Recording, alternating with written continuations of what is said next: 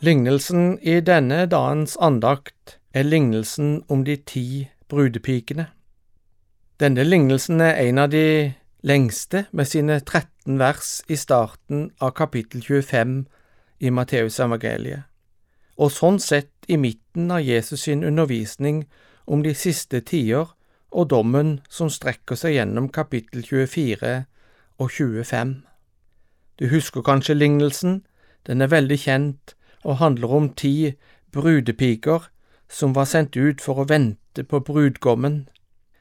Det var kveld, det gikk mot natt, hver av brudepikene hadde sin lampe med olje, fem kloke hadde tatt med ekstra olje i tilfelle det drøyde før brudgommen kom, og fem andre var uforstandige og hadde ikke tatt med noe ekstra.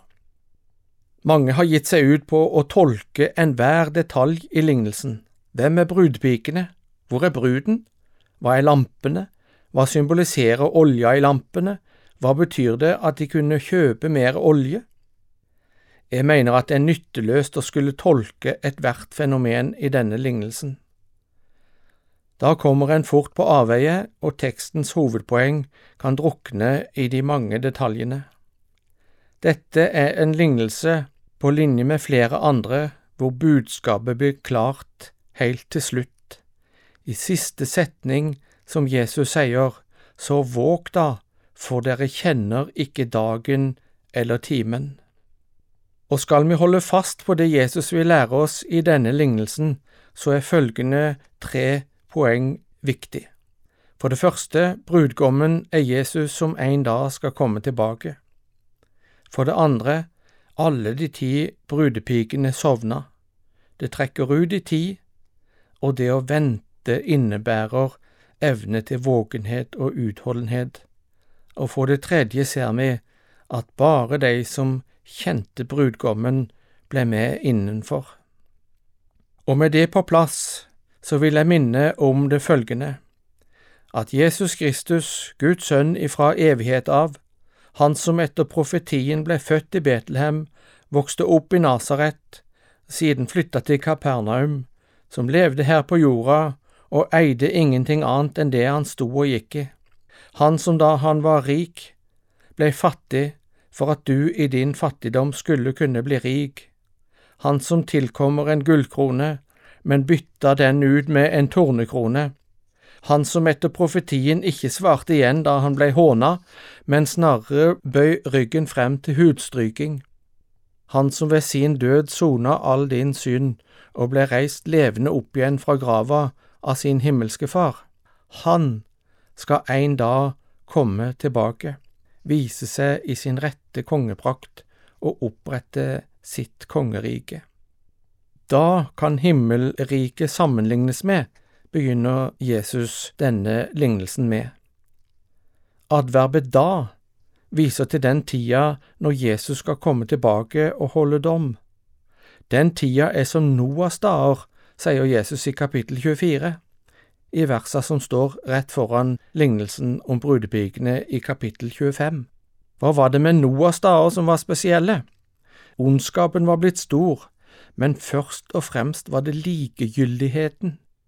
Noah bygde på Guds ord en båt i hundre år. Han snekra og forklarte de som spurte og hånte han, at det en dag skulle komme en dom. Folket rista på hodet og lo av Noah. Men så begynte det å regne. Den dagen, når Jesus kommer tilbake i herlighet, skal noen bli med til himmelen, og noen skal oppleve å bli stående utenfor. Det er fortapelsen. Hva var det de mangla, de som ikke kom inn? Ja, det var i alle fall noe så personlig at ikke de kunne dele det med hverandre i mengde eller volum. Det de trengte for å være rede da brudgommen kom, disse ti brudepikene, det måtte de ha sjøl. De kunne ikke bli med på noe som var de andres.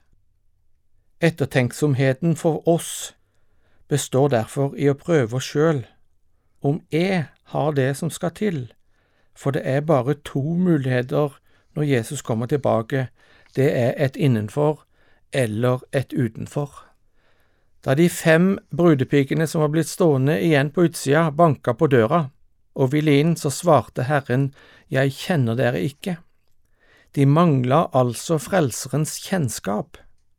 De kjente han ikke. De hadde kunnskapen, de visste at han skulle komme tilbake, de hadde begynt å forberede seg, men de fem uforstandige de mangla kjennskapet til Frelseren. Men det var òg det eneste han hadde imot dem. Jesus skal ikke si til noen at de ba for lite, trodde for lite, ga for lite, eller at det var for smått med hellighet, nei, bare dette at han ikke kjente de. Kjenner du Jesus?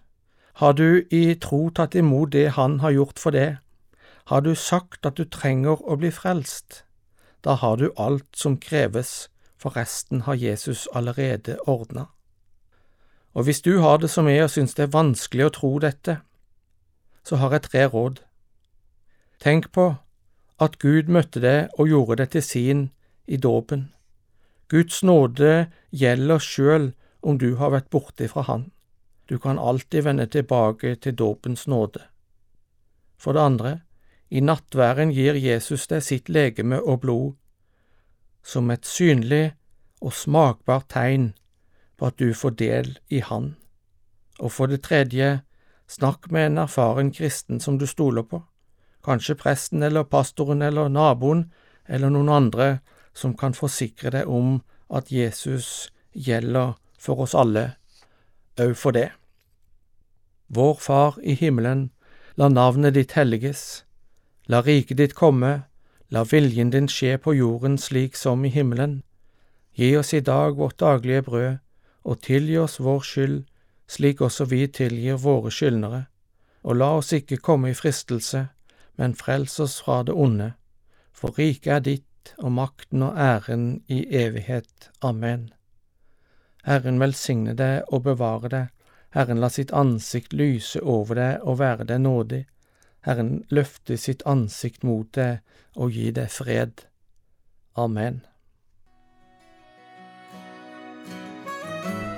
Kjetil Jensen delte Guds ord med oss i dag i serien Over en åpen bibel, produsert av Norea. Les mer om oss på norea.no.